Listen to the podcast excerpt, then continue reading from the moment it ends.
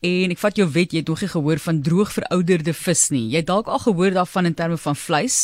Dit is in Engels mos nou dry aging van daai lekker stuk steak wat jy oor die kolle wil gooi, né, vir die naweek se braai.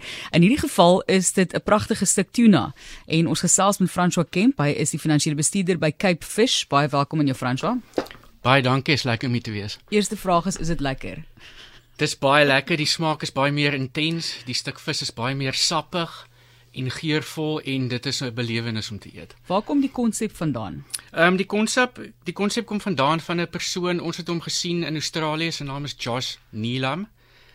Ehm um, daar's uit 'n Instagram blad waarby ehm um, baie resepte gee en konsepte verduidelik en terwyl ons nou in ehm um, lockdown was, het ons besluit om 'n bietjie meer tyd te gee aan hierdie konsep omdat ons die tyd gehad het. Ja. En ehm um, van daar af het die proses begin om ons meer wys te maak om dit te kan doen. So dis nie bokkom of gedroogde of gerookte snoek of iets soos dit. Nee, soos soos die biltong is vir vir bees, is die bokkom vir vis. Okay. Maar dit is absoluut teenoorgestelde waar dit gehang word onder ehm um, of met 'n uh, spesifieke temperatuur en humiditeit om te verseker dat jy die regte produk kry. Vir watter tipe van vis werk dit? Want ek ek weet nie of jy nou daai tipe van tyd gaan spandeer vir 'n klein elfie wat iemand gevang het of 'n of 'n stuk snoek dalk nie alhoewel ek voel nog steeds snoek is die beste vis in die wêreld. Dit dis hoe ek daaroor voel, maar ja, gierigste vir my, maar ja. As dit kom by by vis is tuna 'n baie goeie keuse. Ehm um, twee fout tuna het 'n baie hoë voginhoud of vetinhoud. So in so die in die proses waar die ehm um, die vis verouder, gee dit die vis 'n baie meer intense smaak. En dan ook wat baie interessant tweedens by by tuna is ehm um, tuna swem lang swem lang afstande en ehm um, hulle het baie suurstof om dit te doen en die tuna het 'n baie bloedryke vleiskwaliteit. So tuna word baie meer vergelyk met bees as met vis en as gevolg van dit verouder tuna baie beter meer as gewone vis. So ja, as ek dink in terme van die vetinhoud, wat verskil maak dit? Jy het nou gesê daar's baie vetinhoud in in tuna. So mm. hoekom is dit belangrik? Ehm um, die vetinhoud is spesifiek daar um, in die proses van veroudering waar die vette afgebreek word, gee dit ook die vis 'n baie meer skoon smaak. Ehm um, dit veroorsaak ook dan dat as jy die vis eet of as jy die vis gaar maak, jy baie minder die vis reuk kry wat mense afsit.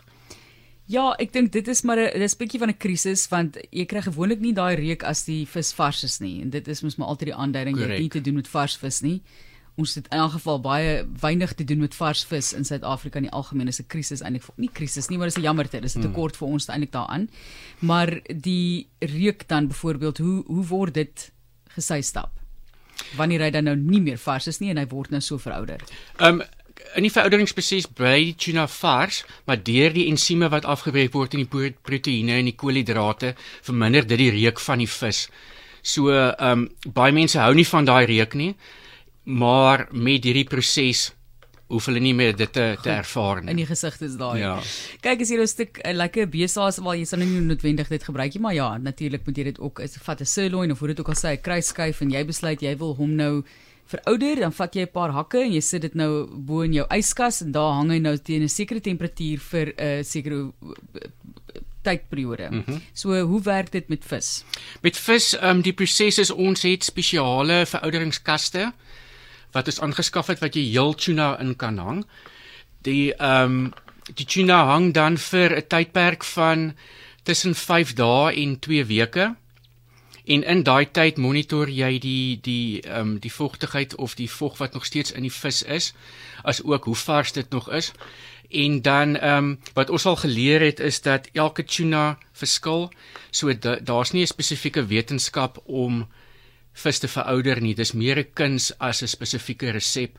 As 'n mens gaan kyk op die internet, daar's dalk net een of twee ehm um, wetenskaplike toetse gedoen op verouderde vis. So dit is maar 'n proses wat 'n mens aanpas met elke vis wat jy hang. Natuurlik, so die diversiteit van vis. Wat het julle nou al alles gebruik en wat wil julle nog probeer?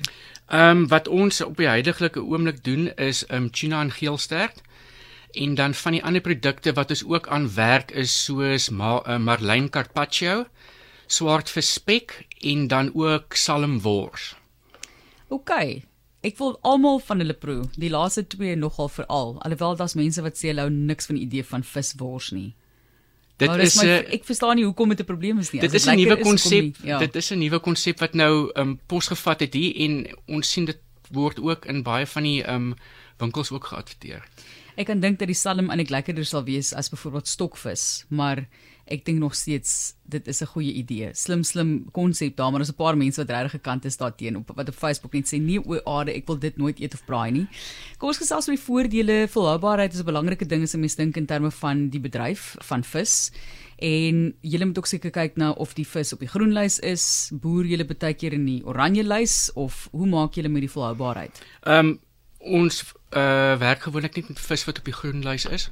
Daar's geen vis op die rooi lys nie, partykeer op die oranje lys. As dit kom by volhoubaarheid en mense wil weet oor um of daar enige vermorsing is, as 'n mens nou deur die hele proses kan gaan van 'n verouderde vis is um natuurlik het jy jou stukke wat gaan na um sushi en sashimi toe. Jy het jou porsies, dan wat oorbly sit ons in ons viskoekie mengsels ook wat dan nou daarna oorbly word gemaal, ehm um, dis gewoonlik die bene en die vel word opgemaal vir vismeel en dan laastens die laaste deel van die vis wat oorbly die koppe word gebruik as aas. So daar's geen vermorsing nie. Fantasties. En in terme van die gaarmaakproses, moet jy vir ons verduidelik so met kan ek maar sê steak sal dit normaalweg voortgaan dit sal normaalweg braai gewoonlik daai tipe van ding verskil dit as dit kom by 'n lekker stuk tuna steak. Die smaakprofiel van van tuna is baie interessant dat jy dit kan gebruik as 'n vis of 'n vleis. Ehm um, jy kan hom braai op die kolle as 'n steak of jy kan hom gebruik in plaas van ehm um, van van bees in 'n slaai maar ook die verouderde vis kan jy gebruik net soos wat jy vars tuna gebruik. Met ander woorde jy kan hom in die pan braai met 'n bietjie botter en sout en peper. Dis ons ons keuse om te doen of om ehm um, om in die oond te sit of om in die ehm um, ja, dis basies dit.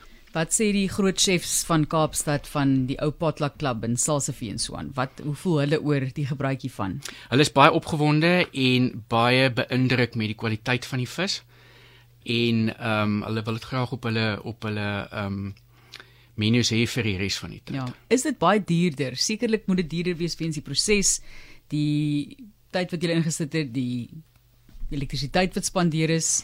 Jy wil praat van die kilometers wat jy moet afry met 'n ry binnekort. Ja, nie, dit ja. is dit is 'n bietjie duurder, maar ehm um, ons is baie ehm um, ons hou van die kwaliteit wat ons gee en die produk wat ons wat ons vir die publiek kan gee en um, ons hoop hulle sal ons ondersteun met dit. Baie dankie. Bietjie meer uitgevind van hierdie konsep van vis dry aged soos dit in Engels sal uh verstaan, maar in hierdie geval het ons dit nou vertaal na droog verouderde vis en dit is 'n hele nuwe konsep, 'n persoon van Australië wat dit uitgedink het en Cape Fish het besluit hulle wil dit ook maak. Kan ek julle kom kry? Liewer julle afhok? Jy kan daar's verskillende maniere. Ehm um, ons het op ons webtuiste capefish.co.za kan jy aanlyn bestel en ons lewer af. En dan het ons ook ons winkel in Paden Eiland, ehm um, waar die publiek welkom is maandag tot saterdag. En ehm um, ja, die produkte is beskikbaar daar vir hulle om te kom koop. Is dit julle kan landwyd aflewer want ons het nou 'n wye wye luisteraarskap hierso. Ehm um, op die oomblik is dit nou nog net Wes-Kaap. Ehm um, Nee, ons is nog nie lank. Byte ons werk daar. Ek is seker daar's 'n ou wat nou luister in die bedryf wat in Johannesburg sê wag van KZN en daai rigting, so sê hulle wil dit ook probeer. Julle musiek ook 'n hele paar keer probeer om dit reg te doen of is daar 'n spesifieke 100% 'n persent korrekte resep? Nee, elke vis verskil en daar was 'n paar flops gewees van die begin, soos 'n mens maar leer. Maar ehm um, ons is nou goed gekonfyt met dit en ons het dit nou Mooi. onder die blad. OK, ek gaan kom kyk. Ek wil sien. Asseblief. Ek wil definitief kom kyk. Baie baie dankie vir die gesels Fransjo Kemp van Cape Fish en dit is oor droog verouderde vis.